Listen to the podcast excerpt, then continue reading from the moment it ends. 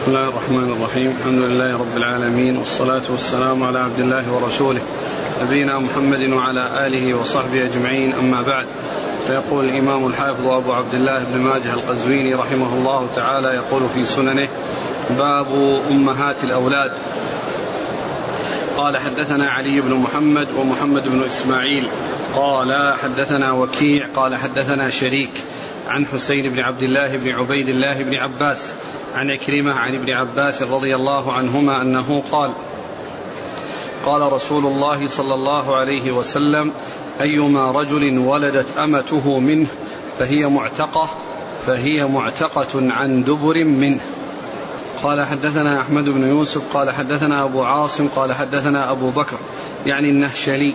عن الحسين بن عبد الله عن عكرمة عن ابن عباس رضي الله عنهما أنه قال ذكرت أم إبراهيم عند رسول الله صلى الله عليه وسلم فقال أعتقها ولدها. قال حدثنا محمد بن يحيى وإسحاق بن منصور قال حدثنا عبد الرزاق عن ابن جريج قال أخبرني أبو الزبير أنه سمع جابر بن عبد الله رضي الله عنهما يقول كنا نبيع سرارينا وأمهات أولادنا والنبي صلى الله عليه وسلم فينا حي لا نرى بذلك بأسا. بسم الله الرحمن الرحيم الحمد لله رب العالمين وصلى الله وسلم وبارك على عبده ورسوله نبينا محمد وعلى آله وأصحابه أجمعين. أما بعد فيقول الإمام ماجه رحمه الله باب في أمهات الأولاد. أمهات الأولاد هن السراري التي وطأهن أسيادهن وولدنا منهم فيقال لهن أمهات الأولاد. يعني أمهات أولاد الأسياد لأنها ولدت من سيدها. وإذا ولدت من سيدها وصارت أم ولد ففي بيعها خلاف بين أهل العلم.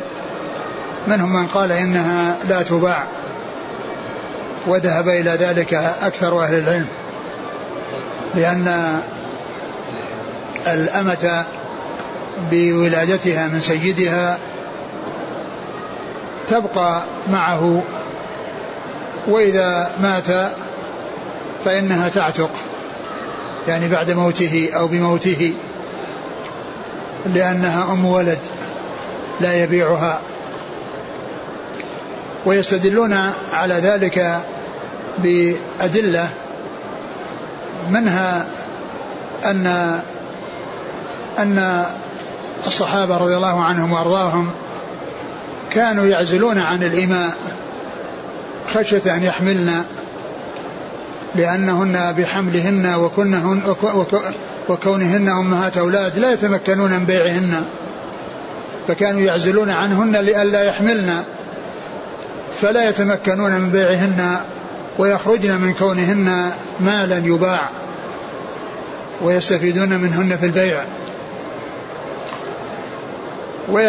ويستدلون على ذلك أيضا بكون أم الولد لو بيعت يعني يفرق بينها وبين ولدها الذي هو يعني ابنها وابن سيدها فإذا بيعت معنى ذلك أنه يفرق بينها وبين ولدها. وقد جاءت الأحاديث في عدم التفريق بين الأم وولدها يعني في البيع. ومعلوم أن ابن السيد حر هو تابع لأبيه ولكن إذا بيعت أمه معناه يكون هناك تفريق بينها وبين ولدها. وكذلك أيضا الحديث الذي الذي آه، فيه وهو في صحيح البخاري وغيره أن النبي عليه الصلاة والسلام جاء في الصحيحين أنه قال ما توفي رسول الله ما ترك دينارا ولا درهما ولا عبدا ولا أمة. ولا عبدا ولا أمة. فقوله هنا ولا أمة يعني مع أن إبراهيم إبراهيم بقيت بعد موته. فلو كانت يعني مالا يباع وأنها يعني باقية يعني على أنها آه يعني أنها ملك يمين ف آه، لدخلت تحت قوله يعني أنه أن له أمة يعني تركها وراءه لكنه قال ما ترك عبدا ولا أمة. ومعلوم أنها هي أمة ومعنى ذلك أنها عتقت أنها عتقت بموته عليه الصلاة والسلام. وكذلك أيضا جاء في بعض الأحاديث النهي عن بيع أمهات الأولاد مع الاختلاف في رفعه ووقفه. وجاء عن عمر رضي الله عنه يعني في كما في الموطأ أنه آه، استشار الصحابة وتكلم وتكلموا في ذلك ومنع من بيع أمهات الأولاد. والقول الثاني القول بجواز بيعهن ويستدلون على ذلك بالحديث الذي آه، ذكره المصنف عن جابر رضي الله عنه. أنه قال إن كنا نبيع السراري وأمهات الأولاد ما نرى بذلك بأسا ورسول الله صلى الله عليه وسلم بيننا حي. قالوا فهذا يدل على جواز بيعهن. وبعض أهل العلم قال إن أن هذا يعني آه، محتمل أنه لم يكن اطلع على ما حصل منهم. أنه لم يكن اطلع على ما حصل يعني منهم. و أو أن هذا كان في أول الأمر ثم بعد ذلك آه، آه، صار الأمر إلى أنهن لا يبعن. فهذه هي الأقوال في المسألة قولان والأقرب والأولى والأظهر والأحوط أن يقال بعدم بيعهن لتلك الأمور التي أشرت إليها والتي ذكرها بعض أهل العلم. نعم. سنيد. قال حدثنا علي بن محمد الطنافسي ثقة أخرجه النسائي في مسند علي وابن ماجه. ومحمد بن إسماعيل. وهو الأحمسي وهو صدوق ثقة. ثقة أخرج له. الترمذي والنسائي وابن ماجه. نعم. عن وكيع. وكيع بن الجراح ثقة أخرج أصحاب الكتب. عن شريك. عن شريك بن عبد الله النخعي الكوفي القاضي وهو صدوق. اختلط أخرج حديث البخاري تعليقا ومسلم وأصحاب السنن. عن حسين بن عبد الله بن عبيد الله. وهو ضعيف أخرج له. الترمذي وابن ماجه. نعم. عن عكرمة عن ابن عباس. عكرمة هو ابن عباس ثقة أخرج له أصحاب الكتب. قال حدثنا أحمد بن يوسف. أحمد بن يوسف هو؟ ثقة أخرج له مسلم وأبو داود النسائي بن ماجه. نعم. عن أبي عاصم. أبو عاصم هو الضحاك بن مخلد النبيل. ثقة أخرج أصحاب الكتب. عن أبي بكر النهشلي. وهو؟ صدوق له مسلم والترمذي والنسائي بن ماجه. نعم. عن الحسين عن عكرمة عن ابن عباس. نعم. قال حدثنا محمد بن يحيى. الذهلي ثقة أخرج البخاري وأصحاب السنن. وإسحاق بن منصور. وهو الكوسج ثقة أخرج أصحاب الكتب إلا أبا داود. عن عبد الرزاق. ابن همام الصنعاني ثقة أخرج أصحاب الكتب. عن ابن جريج. عبد الملك بن عبد العزيز بن جريج ثقة أخرج أصحاب الكتب. عن أبي الزبير. محمد بن مسلم بن تدرس. المكي صدوق أخرج أصحاب الكتب. عن جابر بن عبد الله. نعم. قال رحمه الله تعالى باب المكاتب. قال حدثنا أبو بكر بن أبي شيبة وعبد الله بن سعيد. قال حدثنا أبو خالد الأحمر عن ابن عجلان عن سعيد بن أبي سعيد عن أبي هريرة رضي الله عنه أنه قال قال رسول الله صلى الله عليه وسلم ثلاثة كلهم حق على الله عونه. الغازي في سبيل الله والمكاتب الذي يريد الأداء والناكح الذي يريد التعفف. ثم قال باب المكاتب. والمكاتب هو المملوك الذي يتفق مع أسياده على أن يحضر لهم مبلغا من المال يتفقون معه عليه فإذا أحضره فإنه يعتق بإحضاره. يعني كاتبوه. حصل مكاتبة بينهم وبينه على أساس أنه يحضر لهم مقدارا من المال. هو كذا وكذا. سواء منجما أو غير منجم. فإذا أحضره كاملا فإنه يحصل له العتق. فهذا هو المكاتب. وذكر هذا الحديث عن النبي عليه الصلاة والسلام أنه قال قال ثلاثة كلهم حق على الله ثلاثة عونهم. كلهم حق على الله عونهم يعني حق على الله عونهم الغازي في في سبيل الله والمكاتب الذي يريد الأداء والناكح والناكح؟ الذي يريد التعفف. والناكح الذي يريد التعفف.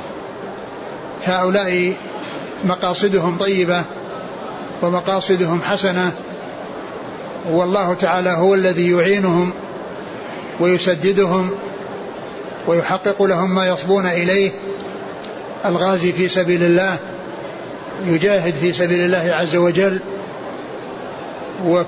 ومكاتب يريد الأداء يعني أنه يريد الأداء لأسياده حتى يخلص نفسه من الرق والناكح الذي يريد أن يعف نفسه ويبتعد عن الوقوع في المحرمات.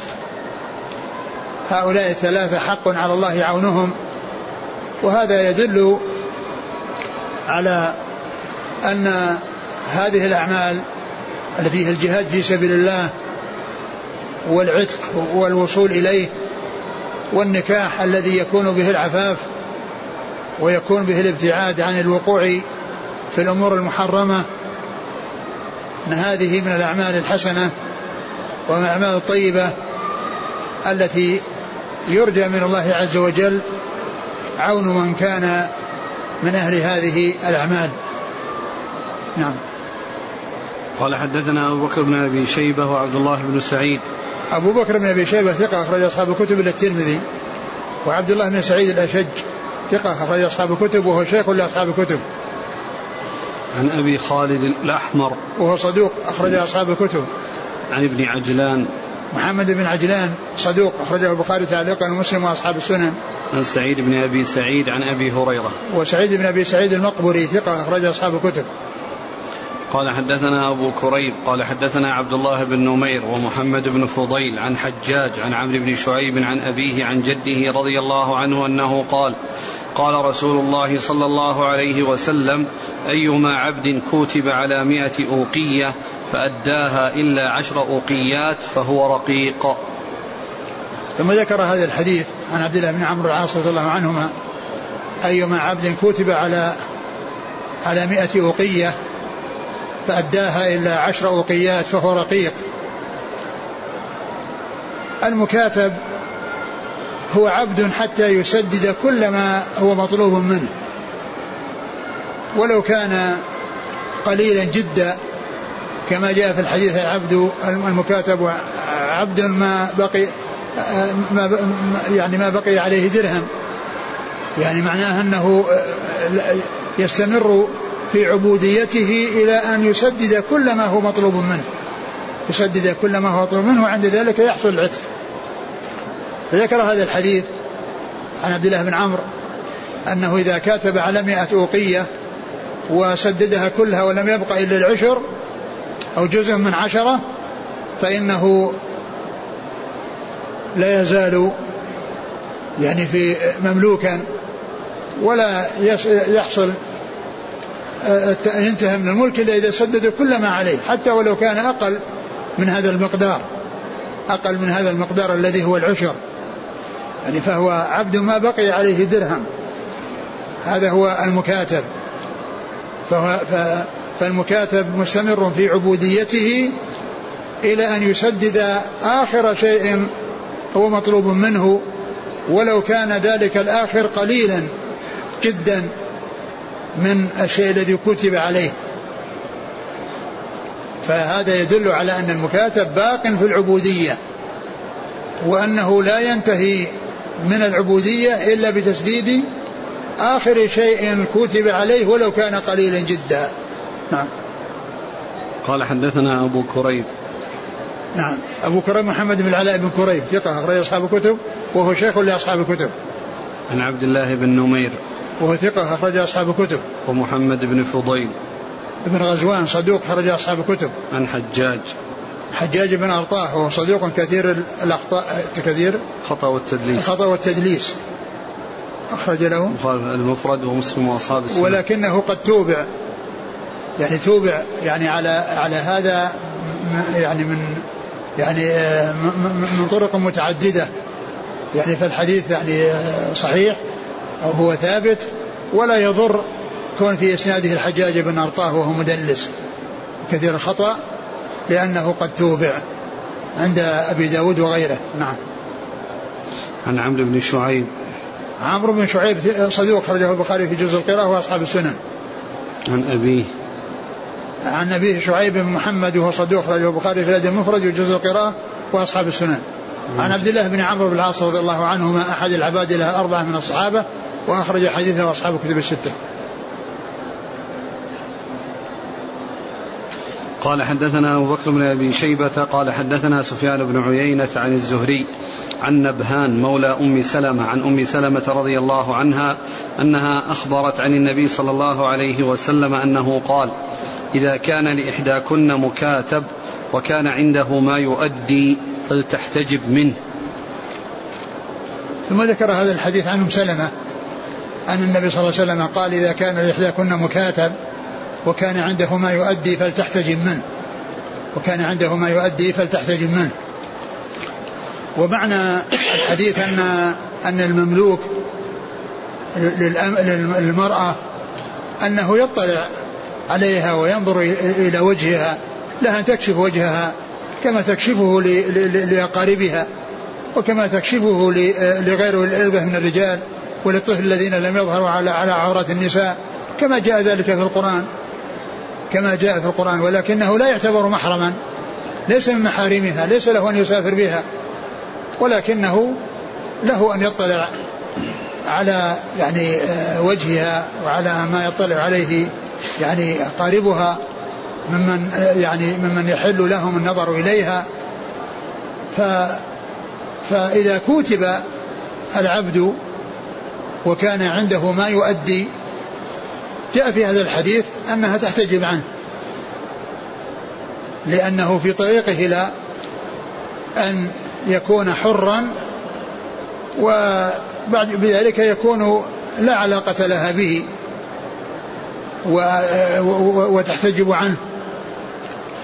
قد جاء هذا إذا كان عنده ما يؤدي ولكن جاء في بعض الأحاديث يعني أنه يعني آه، باق في العبودية حتى يؤدي.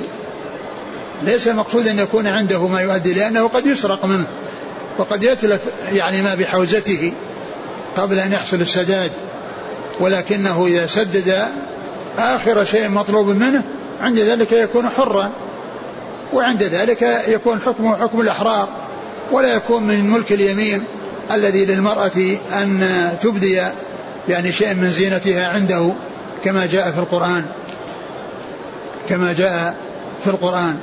يعني لأنه بتسديده آخر شيء يكون حرا. أما كونه عنده شيء يسدد أو أنه ملك شيئا يسدد ولكنه لم يسدد يعني في هذا الحديث الضعيف الذي في إسناده نبهان وهو يعني وهو مقبول. ولكن تكون الحرمة ويكون كونه أجنبيا منها لا يطلع على ما يطلع عليه الأجانب إذا كان أدى آخر شيء عليه وكان حرا لأن المكاتب عبد ما بقي عليه درهم. نعم. قال حدثنا أبو بكر بن أبي شيبة عن سفيان بن عيينة عن الزهري. سفيان بن عيينة المكي ثقة أخرج أصحاب الكتب والزهري محمد بن مسلم بن عبيد الله بن شهاب ثقة أخرج أصحاب الكتب. عن نبهان عن نبهان مولى أم سلمة وهو مقبول أخرج له. أصحاب السنن نعم. عن أم سلمة. أم سلمة رضي الله عنها هند بنت أبي أمية أم المؤمنين رضي الله عنها وأرضاها أخرج حديثها أصحاب الكتب الستة. قال حدثنا أبو بكر بن أبي شيبة وعلي بن محمد قال حدثنا وكيع قال حدثنا هشام بن عروة عن أبيه عن عائشة زوج النبي صلى الله عليه وسلم ورضي الله عنها أن بريرة رضي الله عنها أتتها وهي مكاتبة قد كاتبها أهلها على تسع أواق فقالت لها إن شاء أهلك عددت لهم عدة واحدة وكان الولاء لي قال فأتت أهلها فذكرت ذلك لهم فأبوا إلا أن تشترط الولاء لهم. فذكرت عائشة ذلك للنبي صلى الله عليه وسلم فقال افعلي. قال فقام النبي صلى الله عليه وسلم فخطب الناس وحمد الله وأثنى عليه ثم قال ما بال رجال يشترطون شروطا ليست في كتاب الله كل شرط ليس في كتاب الله فهو باطل وإن كان مئة شرط كتاب الله أحق. وشرط الله أوثق والولاء لمن أعتق. ثم ذكر حديث عائشة في قصة بريرة رضي الله تعالى عنها وكانت مكاتبة كاتبها أهلها على تسع أواق فجاءت إلى عائشة تستعينها وتطلب منها العون على هذه المقدار الذي آه، هي تعمل على تحصيله من أجل حصولها على العتق وتخلصها من الرق. فقالت عائشة رضي الله عنها إنها تعد لهم هذه الكمية وهذا المقدار هو تسع أواق والأوقية أربعون درهما. يعني معناها أنها تعطيهم هذا المقدار والولاء لها. فذهبت إلى أهلها وقالوا إنهم لا يوافقون إلا إذا كان الولاء لهم. إذا كان الولاء لهم. فالنبي صلى الله عليه وسلم أمرها بأن تشتريها أن تشتريها ويكون الولاء لها لأن الولاء لمن أعتق. ولا يجوز اشتراطه بأن يكون الولاء لغير المعتق. فهو شرط باطل. ولهذا النبي صلى الله عليه وسلم أمرها بأن تشتريها ولو حصل ذلك الشرط الذي ذكروه لأنه شرط باطل وجوده كعدمه فالبيع صحيح والشرط باطل. ثم أنه خطب الناس عليه الصلاة والسلام وقال ما بال أقوام يشترطون شروطا ليست في كتاب الله. ما بال أقوام. والرسول عليه الصلاة والسلام إذا حصل من بعض الناس شيء من المخالفات الشرعية خطب الناس وبين الحكم وأشار إلى السبب وأن بعض الناس حصل منه كذا وكذا دون أن يسميهم. فيكون بذلك الفائدة تحصل للجميع للذين أرادوا وقصدوا ذلك الشيء الذي نهى عنه الرسول صلى الله عليه وسلم وكذلك غيرهم ممن لا علاقة له في الموضوع. فكان عليه الصلاة والسلام. هذا من هديه. عندما يحصل شيء هو منكر فإنه لا يخاطب الجماعة الذين حصل منهم وإنما يخاطب الجميع ولكن بعبارة عامة يشير فيها إلى حصول شيء من هذا الأمر وأن الواجب هو الابتعاد عن ذلك الشيء. ولهذا قال عليه الصلاة والسلام ما بال أقوام يشترطون شروطا ليست في كتاب الله. كل شرط ليس في كتاب الله فهو باطل وإن كان مئة شرط. يعني ولو كانت شروط كثيرة مهما كثرت وهي غير صحيحة وغير موافقة للكتاب والسنة فإنها لاغية وباطلة ووجودها مثل عدمها. ما بال أقوام يشترطون شروطا ليست في كتاب الله والمقصود بكتاب الله كتاب الكتاب والسنة. ليس المقصود من ذلك القرآن وحده وإنما المقصود الكتاب والسنة كما جاء في الحديث عن مسعود رضي الله عنه أنه قال لما يعني ذكر النامصة قال يعني ما لي لألعن من لعنه رسول الله. صلى الله عليه وسلم وهو في كتاب الله. فجاءت امرأة وقالت يا أبا عبد الرحمن أنك قلت كذا وكذا وأنني ما رأيت. يعني في المصحف يعني هذا الكلام أن النامصة ملعونة. فقال إن كنت قرأتيه فقد وجدتيه. قال الله عز وجل وما آتاكم الرسول فخذوه وما نهاكم عنه فانتهوا. فإذا هذه الآية ومثلها من الآيات التي فيها الأمر بطاعة الرسول عليه الصلاة والسلام يدل على أن السنة كلها لازم الأخذ بها وأن الأخذ بها أخذ بالقرآن لأن القرآن هو الذي جاء به الأمر بالأخذ بها.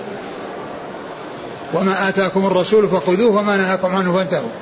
وما كان لمؤمن ولا مؤمنة إذا قضى الله ورسوله أمرا أن يكون لهم الخيرة من أمرهم فليحذر الذين يخالفون عن أمره أن تصيبهم فتنة أو يصيبهم عذاب أليم. فقالوا كل شرط ليس في كتاب الله يعني في كتاب الله وسنة رسوله صلى الله عليه وسلم لأن السنة لا بد من العمل بها كما أنه لا بد من العمل بالقرآن ولا يكتفى بالقرآن عن السنة. بل لابد من الأخذ بالكتاب ومن الأخذ بالسنة. والكتاب جاء فيه أمور مجملة وجاء تفاصيلها بالسنة لأن الصلاة جاءت في القرآن مجملة لكن كيفيتها وبيان شروطها وأركانها وواجباتها جاء بالسنة. وكذلك الزكاة جاء الأمر بها في الأمر بالزكاة ولكن تفاصيلها جاءت في السنة وجاء الأمر بالصيام والتفاصيل بالسنة. وجاء الأمر بالحج والتفاصيل بالسنة. فمن قال إنه يستغني بالكتاب عن السنة فهو كافر بالكتاب والسنة. وليس آخذا بالكتاب والسنة. ولهذا فإن الصلوات الخمس ركعاتها معلومة. وما عرفت إلا بالسنة. ما جاء في القرآن أن الظهر أربع ركعات. وأن العصر أربع والعشاء ثلاث والمغرب ثلاث والعشاء أربع والفجر اثنتين هذه التفاصيل التي لا بد منها والناس يعني يعملون بها إنما جاءت بالسنة. فلا يقال إن أنه يكتفى بالقرآن عن السنة لأن من قال ذلك كيف يصلي؟ كيف يصلي كيف يصلي الظهر؟ من أين له في القرآن أن الظهر أربع؟ وأن العصر أربع؟ كل هذا إنما جاء في السنة. ولهذا السنة وحي كما أن القرآن وحي. كل ذلك وحي من الله إلا أن الكتاب متعبد بتلاوته والعمل به والسنة متعبد بالعمل بها. نعم. قال حدثنا أبو بكر بن أبي شيبة وعلي بن محمد. ثم قال كتاب الله حق. نعم. فأخذ. وشرط الله أوثق والولاء لمن أعتق. قال كل شرط ليس في كتاب الله فهو باطل وإن كان مئة شرط. نعم. كتاب الله أحق وشرط الله كتاب الله أحق. يعني ما جاء في كتاب الله وسنة الرسول صلى الله عليه وسلم هو أحق أن يتبع. هو الحق الذي لا بد الذي لا, لا بد منه لا بد من الأخذ به. ومعلوم أن الهداية إنما لا سبيل لها إلا الكتاب والسنة. الهداية والاستقامة والسلامة. وسعادة الدنيا والآخرة إنما تحصل عن طريق الكتاب والسنة. كتاب الله أحق وشرط الله أوثق يعني الذي شرطه الله والذي الشروط التي جاءت يعني جاء إقرارها وأنها حق يعني هي هي, هي التي يجب الوفاء بها.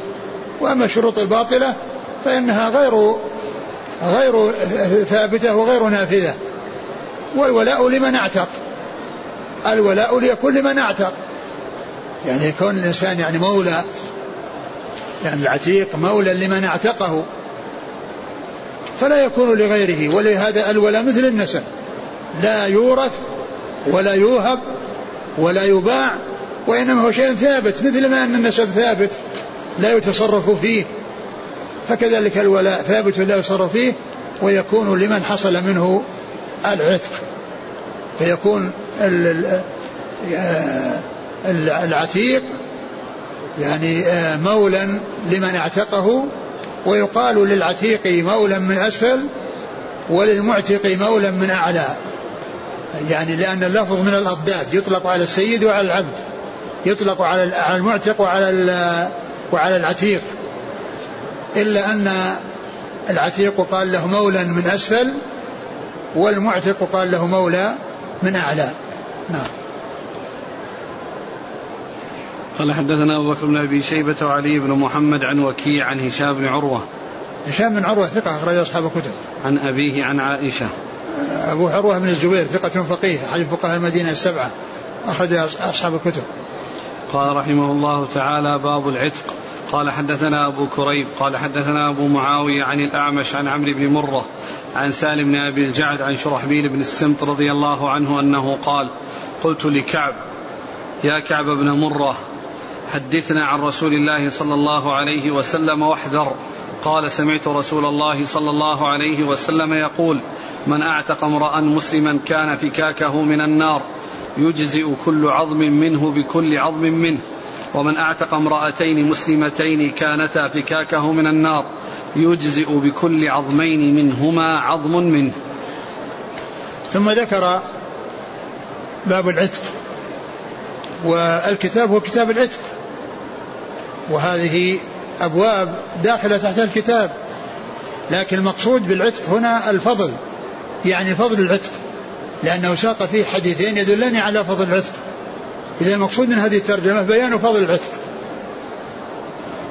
المقصود من هذه الترجمة التي هي ضمن كتاب العتق وهي باب العتق يعني بيان باب فضل العتق.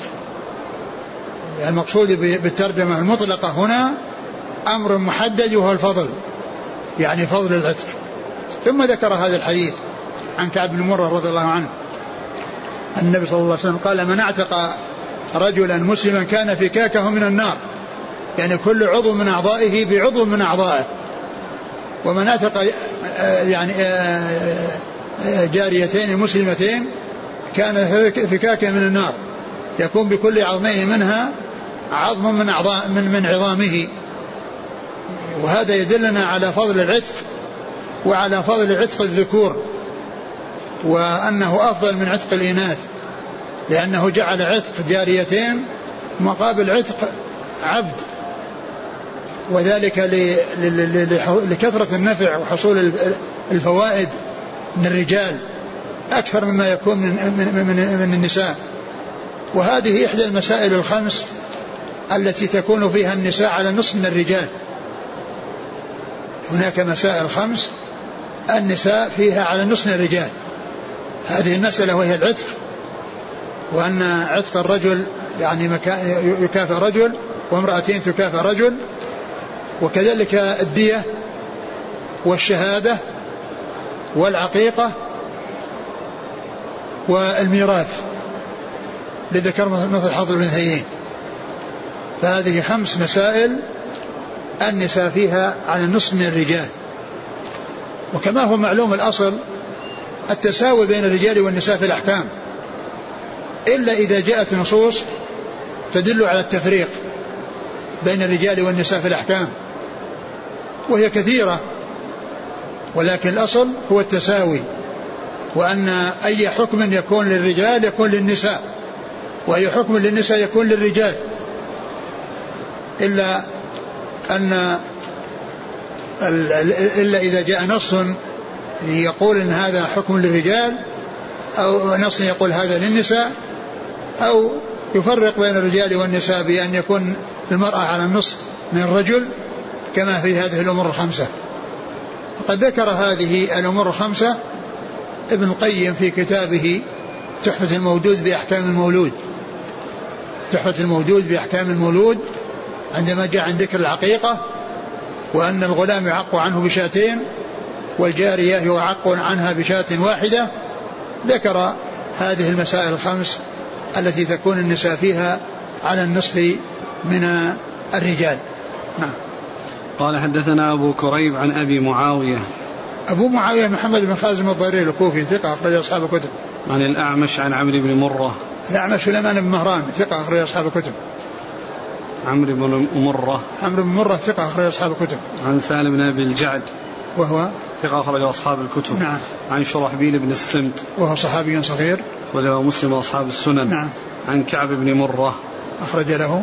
أصحاب السنن. نعم. قال حدثنا أحمد بن سنان قال حدثنا أبو معاوية قال حدثنا هشام بن عروة عن أبيه عن أبي مراوح عن أبي ذر رضي الله عنه أنه قال قلت يا رسول الله أي الرقاب أفضل؟ قال أنفسها عند أهلها وأغلاها ثمنا. ثم ذكر هذا الحديث عن أبي ذر رضي الله عنه أنه سأل النبي عليه الصلاة والسلام أي الرقاب أفضل؟ يعني في العتق عندما يريد الإنسان أن يعتق رقبة أي أفضل أن يعتق رقبة أن يعتق. وهذا يدلنا على فضل الصحابة رضي الله عنهم وأرضاهم وحرصهم على معرفة طرق الخير والتفاضل بينها.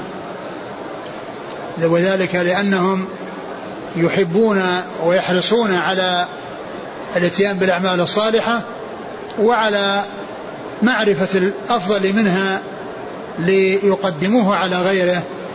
وليجتهدوا في آه، فعله. فسأل النبي عليه الصلاة والسلام أي الرقاب أفضل؟ يعني عندما يريد أن يشتري الإنسان رقبة ليعتقها أي رقبة أفضل؟ فقال أغلاها. أنفسها عند أهلها. أنفسها عند أهلها وأكثرها ثمنا. يعني كونها نفيسة عند أهلها أهلها يظنون بها. ويحرصون عليها وثمنها يكون أعلى من ثمن غيرها. هذه هي التي هي الأولى والأفضل بأن يكون عتقها. يعني بحيث يكون عتق لما هو كامل في نوعه أو من أكمل ما يكون في نوعه وهم العبيد. فيكون من كان نفي الأفضل في أن يعتق من كان نفيسا عند أهله إذا كان أراد أن يشتريه ويكون ثمنها مرتفعا وثمنها غاليا لأنها عزيزة على أهلها ونفيسة عند أهلها فيكون ثمنها يعني مرتفعا ولا يجودون بها إلا بمقابل يعجبهم ويناسبهم لأنه لأنها نفيسة فيريدون شيئا في مقابلها يعني يكون كثيرا فهي نفيسة في أنفسهم وأيضا غالية عندهم لا تخرج منهم إلا بثمن عالي وبثمن مرتفع. نعم. قال حدثنا أحمد بن سنان. أحمد بن سنان هو؟ ثقة أخرج له البخاري ومسلم وأبو داود والنسائي في مسند مالك وابن ماجه. نعم. عن أبي معاوية عن هشام بن عروة عن أبيه عن أبي مراوح. هو؟ قيل له صحبة وإلا في ثقة. أخرج له البخاري ومسلم والنسائي بن ماجه. نعم. عن أبي ذر. جندب بن جناد جنادة رضي الله عنه أخرج له أصحاب كتب قال باب قال رحمه الله تعالى باب من ملك ذا رحم محرم فهو حر. قال حدثنا عقبة بن مكرم وإسحاق بن منصور قال حدثنا محمد بن بكر البرساني عن حماد بن سلمة عن قتادة وعاصم عن الحسن عن سمرة بن جندب رضي الله عنه عن النبي صلى الله عليه وسلم أنه قال من ملك ذا رحم محرم فهو حر. قال حدثنا راشد بن سعيد الرملي وعبيد الله بن الجهم الأنماطي. قال حدثنا ضمرة بن ربيعة عن سفيان عن عبد الله بن دينار عن ابن عمر رضي الله عنهما أنه قال قال رسول الله صلى الله عليه وسلم من ملك ذا رحم محرم فهو حر. ثم ذكر هذا الترجمة باب من ملك ذا رحم محرم فهو حر. يعني أن الإنسان إذا ملك قريبه الذي هو من محارمه وهو من من من, من ذوي رحمه فإنه يكون حرا. لأن العبودية عبودية الرجل أو الإنسان لذوي رحمه يعني تنافي الصلة للأرحام وتنافي ما يكون بين الأقارب من الوئام والمودة. يعني يكون يعني يستخدم يعني قريبه ويكون عبدا له يشتري ويبيع فيه هذا ينافي ما هو مطلوب في صلة الأرحام. لأن بر الوالدين وصلة الأرحام هذه من أفضل الأعمال ومن أفضل القربات التي جاء الحث عليها في كتاب الله وفي سنة رسوله صلى الله عليه وسلم. بل الذي ينبغي ويليق أن الإنسان يعمد إلى أن يشتري قريبه ويعتقه. فمن باب أولى أنه إذا دخل في ملكه أنه يعتقه. أنه إذا دخل في ملكه في عطية أو هبة وما إلى ذلك يعني من غير أن يشتريه من باب أولى. يعني كان عليه وينبغي له أن يعمد إلى شرائه بدل ما يكون مملوك. يعني يستخدمه الناس وسلعة. يبيعون ويشترون فيها. الذي ينبغي أن القريب يعمد إلى شراء قريبه ليعتقه. فمن باب أولى إذا ملكه بطريقة غير الشراء. ثم ذكر هذين الحديثين عن آه، سمرة وعن ابن عمر رضي الله تعالى عنهما وهما لفظهما واحد. ويعني الإسنادين يعني آه، فيهما شيء من الكلام ولكن يقوي بعضهما بعضا وهذا كما هو معلوم من صلة الأرحام ومن الإحسان الذي ينبغي أن يكون بين القرابات ومن ما ينبغي أن يبتعد عنه مما ينافي آه، ما هو مطلوب من صلة الرحم والإحسان إلى الأقارب. نعم. قال حدثنا عقبة بن مكرم هو ثقة أخرجه مسلم وداود الترمذي وابن ماجه. نعم. وإسحاق بن منصور. الكوسج ثقة أخرج أصحاب الكتب إلا أبا داود. عن محمد بن بكر البرساني. وهو صدوق قد يخطئ أخرجه أصحاب الكتب. نعم. عن حماد بن سلمة. ثقة أخرجه البخاري تعليقا ومسلم وأصحاب السنة. عن قتادة وعاصم. قتادة من دعامة ثقة أخرج أصحاب الكتب وعاصم الأحول ثقة أخرج له. أصحاب الكتب. نعم. عن الحسن عن سمرة. حسن بن أبي الحسن ثقة أخرج أصحاب الكتب. وسمرة بن جندب رضي الله عنه أخرج أصحاب الكتب. قال حدثنا راشد بن سعيد. هو؟ صدوق رجل ابن ماجه. نعم. وعبيد الله بن الجهم. هو؟ مقبول أخرجه ابن ماجه. نعم. عن ضمرة بن ربيعة. وهو؟ صدوق يهم قليلا أخرجه البخاري في المفرد وأصحاب السنن. نعم. عن سفيان عن عبد الله بن دينار. سفيان هو الثوري ثقة أخرج أصحاب الكتب. وعبد الله بن دينار ثقة أخرج أصحاب الكتب. قال رحمه الله تعالى باب من أعتق عبدا واشترط خدمته. قال حدثنا عبد الله بن معاوية الجمحي قال حدثنا حماد بن سلمة عن سعيد بن جمهان عن سفينة أبي عبد الرحمن رضي الله عنه أنه قال أعتقتني أم سلمة رضي الله عنها واشترطت علي أن أخدم النبي صلى الله عليه وسلم ما عاش. قال حدثنا عبد الله بن معاوية الجمحي قال حدثنا حماد بن سلمة عن سعيد بن جمهان عن سفينة أبي عبد الرحمن رضي الله عنه قال اعتقتني أم سلمة واشترطت علي أن أخدم النبي صلى الله عليه وسلم ما عاش. ثم ذكر باب اشتراط من أعتق عبدا واشترط خدمته. باب من أعتق عبدا واشترط خدمته. يعني هل يصح؟ نعم يصح.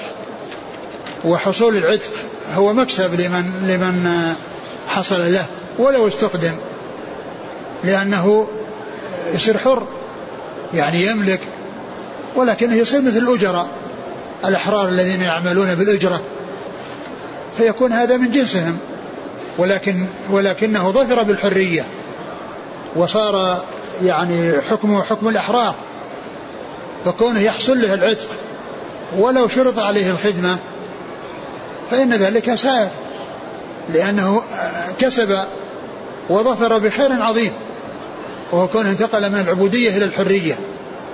وأنه يعامل معاملة الأحرار ويكون في خدمته مثل الأحرار الذين يخدمون ويأخذون ويكون لهم مقابل أجر. وذكر حديث سفينة مولى رسول الله عليه الصلاة والسلام أن أن أنه كان يعني مولى عند أم أم سلمة وأنها آه، يعني أرادت عتقه على أن يخدم الرسول صلى الله عليه وسلم معاش فقال يعني جاء عنه قال لو لم تشترطي هذا لما فرقت رسول الله صلى الله عليه وسلم. فهذا يدل على جواز مثل هذا الشرط. وذلك أن حصول العتق الشرع يتجوف إلى العتق.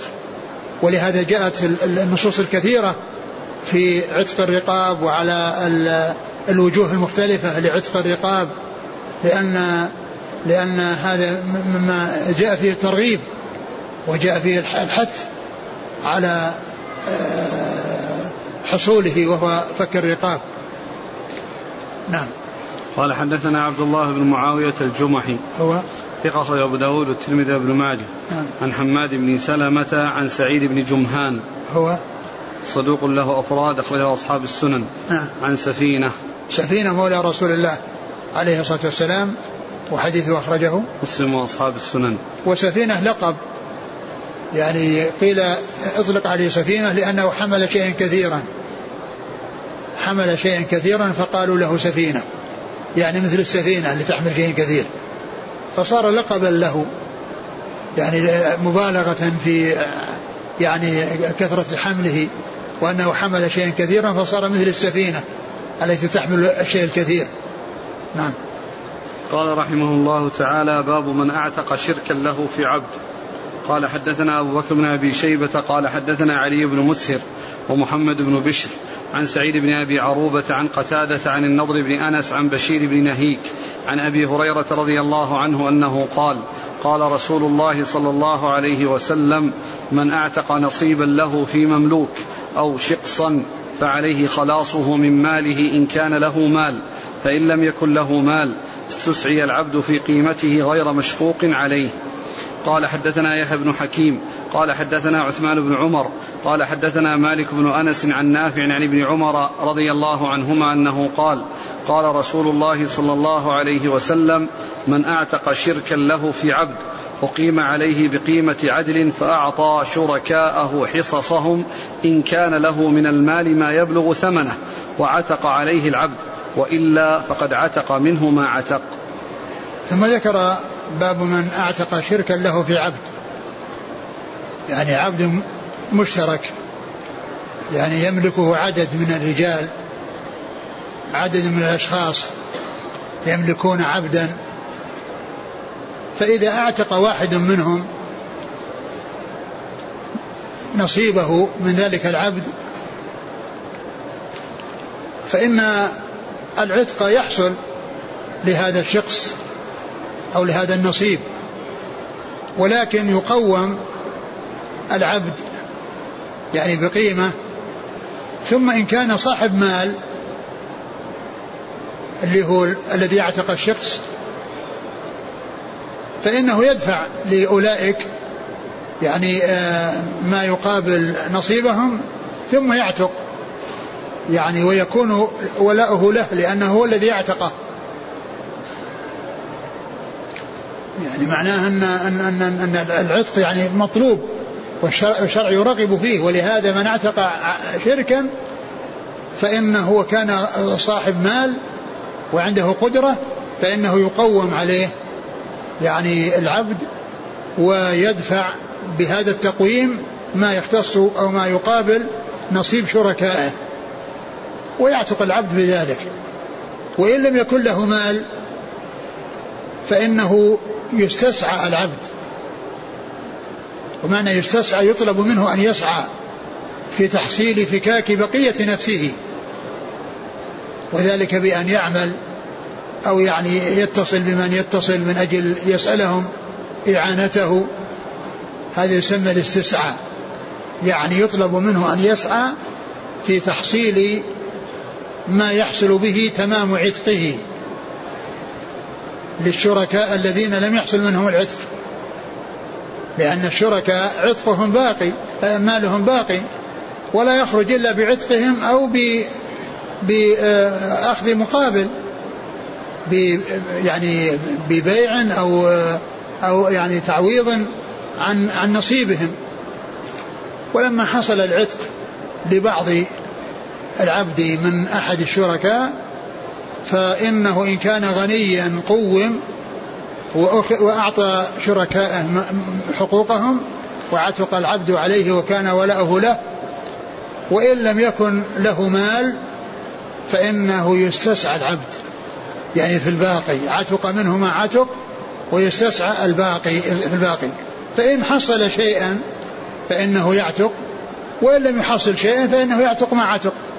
والباقي يبقى على العبودية. يعني فيصير مبعض. يعني بعضه حر وبعضه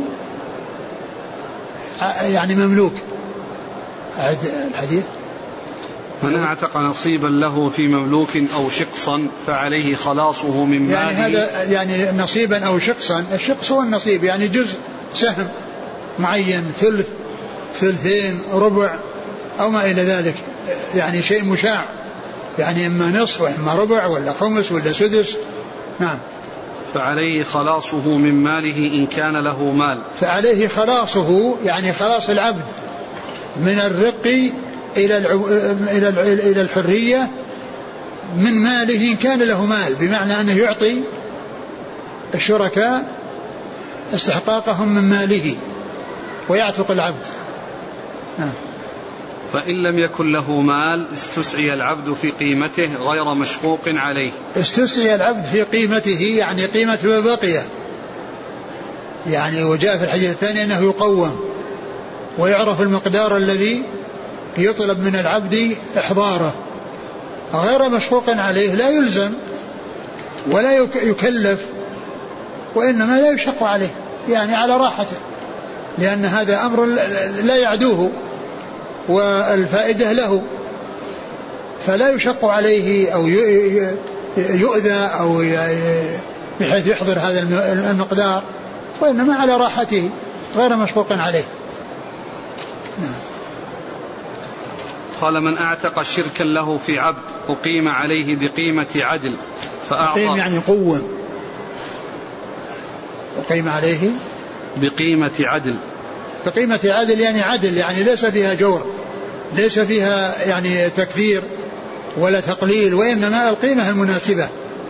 يعني قوم تقويما معتدلا لا بخس فيه ولا زيادة وإنما القيمة المناسبة المعتدلة التي لا زيادة فيها ولا نقصان عما يستحقه. نعم.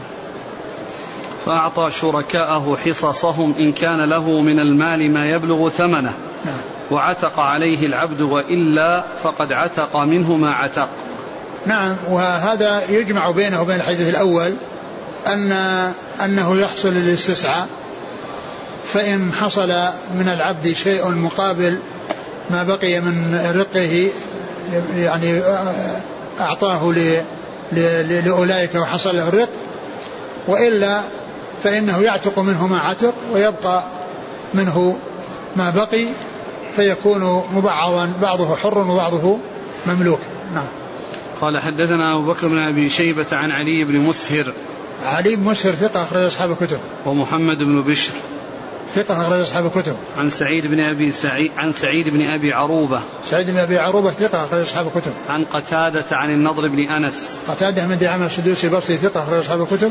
والنضر بن أنس ثقة من أخرج له أصحاب الكتب. نعم. عن بشير بن نهيك. وهو ثقة أخرج أصحاب الكتب. نعم. قال حدثنا يحيى بن حكيم. هو ثقة أخرج أبو داود والنسائي بن ماجه. نعم. عن عثمان بن عمر. وهو ثقة أخرج أصحاب الكتب. عن مالك بن أنس عن نافع عن ابن عمر. مالك بن أنس إمام دار الهجرة المحدث الفقيه حديث أصحاب المذاهب الأربعة المشهورة من مذاهب أهل السنة وحديثه أخرج أصحاب الكتب الستة ونافع ومال بن عمر ثقة أخرجه أصحاب الكتب.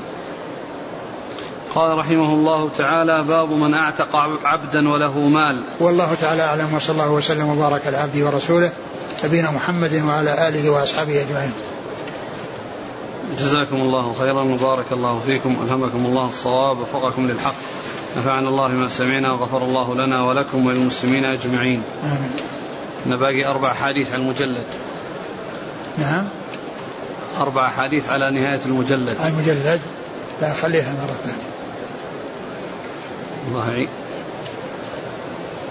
يقول السائل هل الذي يعتق بعضه يمكن لباقي الشركاء أن يبيعوه؟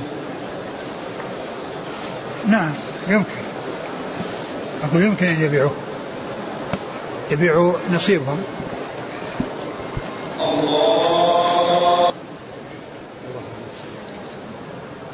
يقول السائل من اعتق هل من أعتق نصيبه يجب عليه تقويم العبد ودفع المال للشركاء أو هو مخير في ذلك؟ لا لا يجب. من ملك ذا رحم يقول وإن كان القريب كافرا هل يمضي عليه الحكم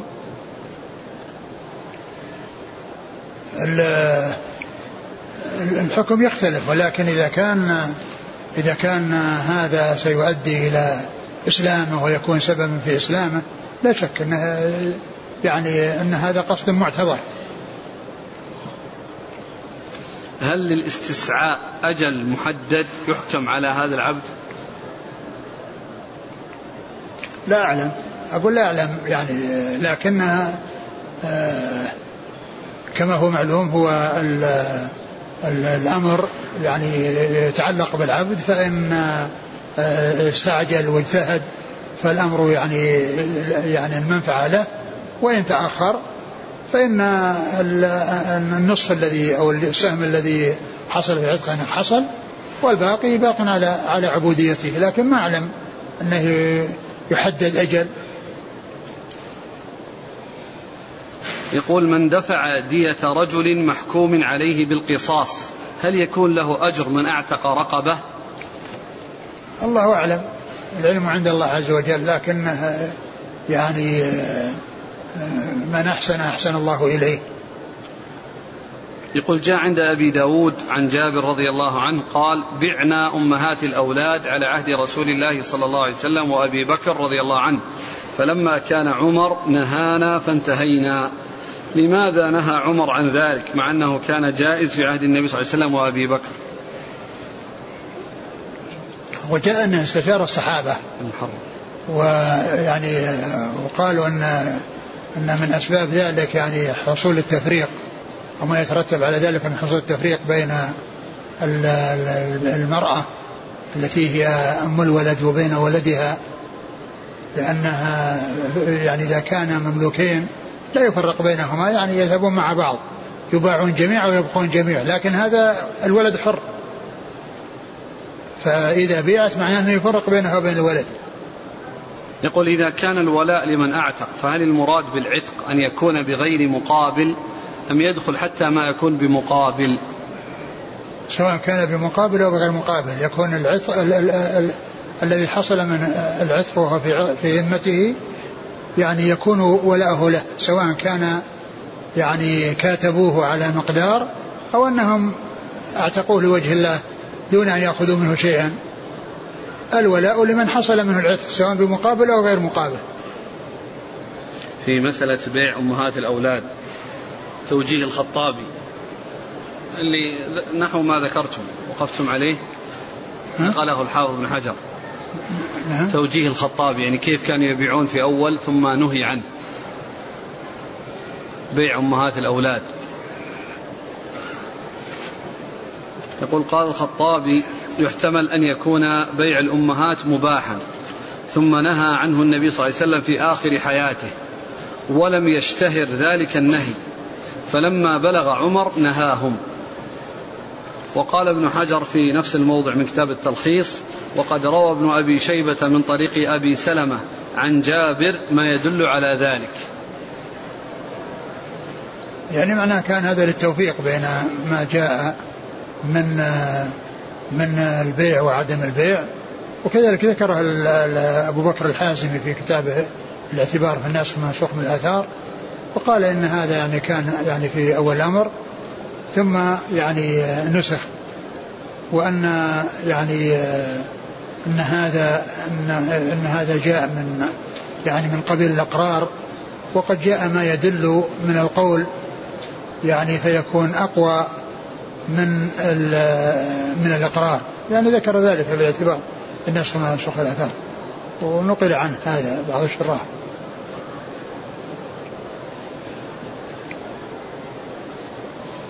يقول هل الرق خاص في العجم دون العرب؟ لا العرب والعجم. يعني و... سببه الكفر. ما هو خاص بالعجم. إذا اشترط البائع شرطا باطلا فهل يجوز للمشتري الموافقة بناء على هذا الحديث حديث بريرة؟ نعم. يعني يعني يوافق على الشراء والشرط يبطل.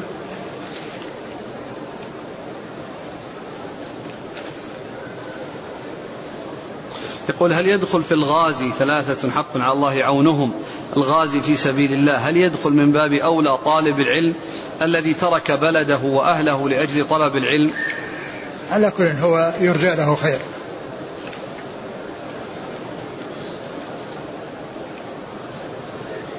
الأمة التي التي تحمل ويسقط حملها في أربعة أشهر أو أقل هل تصح أن يقال عنها أم ولد؟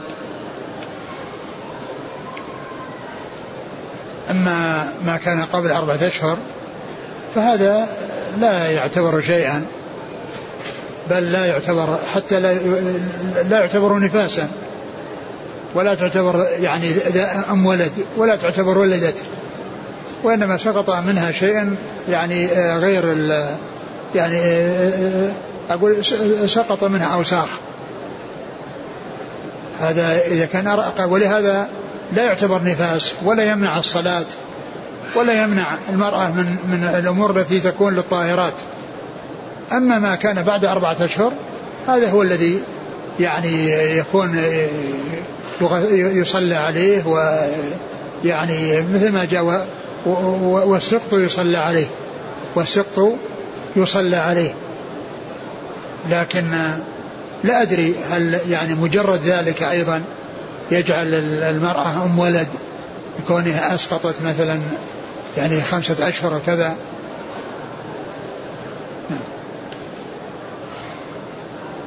هل يجوز للسيد أن يتراجع عن المكاتبة؟ لا ليس له ذلك. لأن الرق أو تخليص من الرق هذا أمر مطلوب. ولهذا يعني في قضية الحديث الذي فيه من أعتق شرك شركا له يعني يقوم عليه وإذا كان له مال يعني فلا فليس العبد أن يرجع للسيد أن يرجع. ولكنه إذا لم يسدد هو نفسه يعني باق في العبودية. إلى حين تسديد آخر مقدار. وليس له التراجع ما الفائدة من دراسة هذه الأبواب والعتق لا يوجد في هذا الزمان؟ الناس يعرفون الأحكام الشرعية ويعرفون ما جاء عن رسول عليه عن الله وعن رسوله عليه الصلاة والسلام ويتفقهون في الدين وسواء يعني وجدت يعني أو, أو لم توجد لأن هذا أمر مطلوب الفقه في الدين مطلوب. لأن لا يقال أن هذه تلغى وأنها لا يلتفت إليها وإنما تدرس. وقد يأتي اليوم الذي يكون يعني هناك عز للمسلمين ويكونون كما كانوا في الأول. هل تكون أم الولد حرة بعد موت سيدها إذا توفي ولدها قبل موت السيد؟ نعم لأنها أم ولد قالها ولو مات. ليس المقصود من ذلك أنه لازم الولد يكون موجود لأنها قالها أمهات أولاد أم ولد.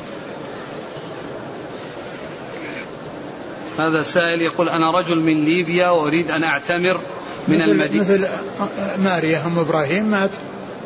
أقول مات في حياة الرسول صلى الله عليه وسلم وفي حياتها. نعم.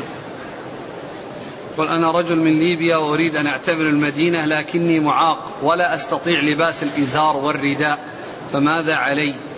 يعني يلبس. أقول يلبس اللباس الذي الذي الذي اعتاده والذي هذا ويعمل فدية. وهي آه، مخيرة بين ثلاثة أشياء. أن يذبح شاة أو يصوم ثلاثة أيام أو يطعم ستة مساكين. هل يجوز أن يعطى الغارم من أموال الربا؟ إن الله طيب لا يقبل إلا طيبا. ولكن يعني من يقول يعني من أهل العلم أنه يتصدق. إذا كان الربا وقعت في أموال الربا وقعت في يده يتخلص منها. منهم من يقول أنها يتخلص منها بأي طريقة مفيدة. ومنهم من يقول أنها يتخلص منها في أمور ممتهنة مثل بناء الحمامات وتعبيد الطرق وما إلى ذلك. لكن الذي يقول بأنه يتصدق بها يعني الغارم من هذا القبيل. هل صلة؟ وهذا في التخلص مما في اليد. أما كل إنسان يسعى إلى أن يحصل الربا ويتصدق فهذا مثل ما قال الشاعر.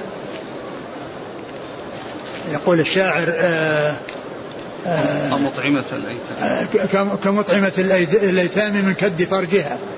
لك الويل لا تزني ولا تصدقي. يقول آه، صلة أم الزوجة وأبو الزوجة هل يعتبر واجب من صلة الأرحام؟ هذا كما هو معلوم يعني ليس من ذوي الأرحام. اللي هو النسب. لكن هذا من ناحية المصاهرة. لا شك أن, أن, أن هذا من المعاملة الطيبة وهذا ما قال هم ذوي الأرحام. لأن ذوي الأرحام يعني هم القرابات. الذين يعني العصبات والقرابات. وأولي الأرحام بعضهم أولى ببعض في كتاب الله. يعني المقصود منهم الأقارب من حيث النسب. وأما هؤلاء قارب من حيث المصاهرة. جزاكم الله خيرا. سبحانك اللهم وبحمدك أشهد أن لا إله إلا أنت أستغفرك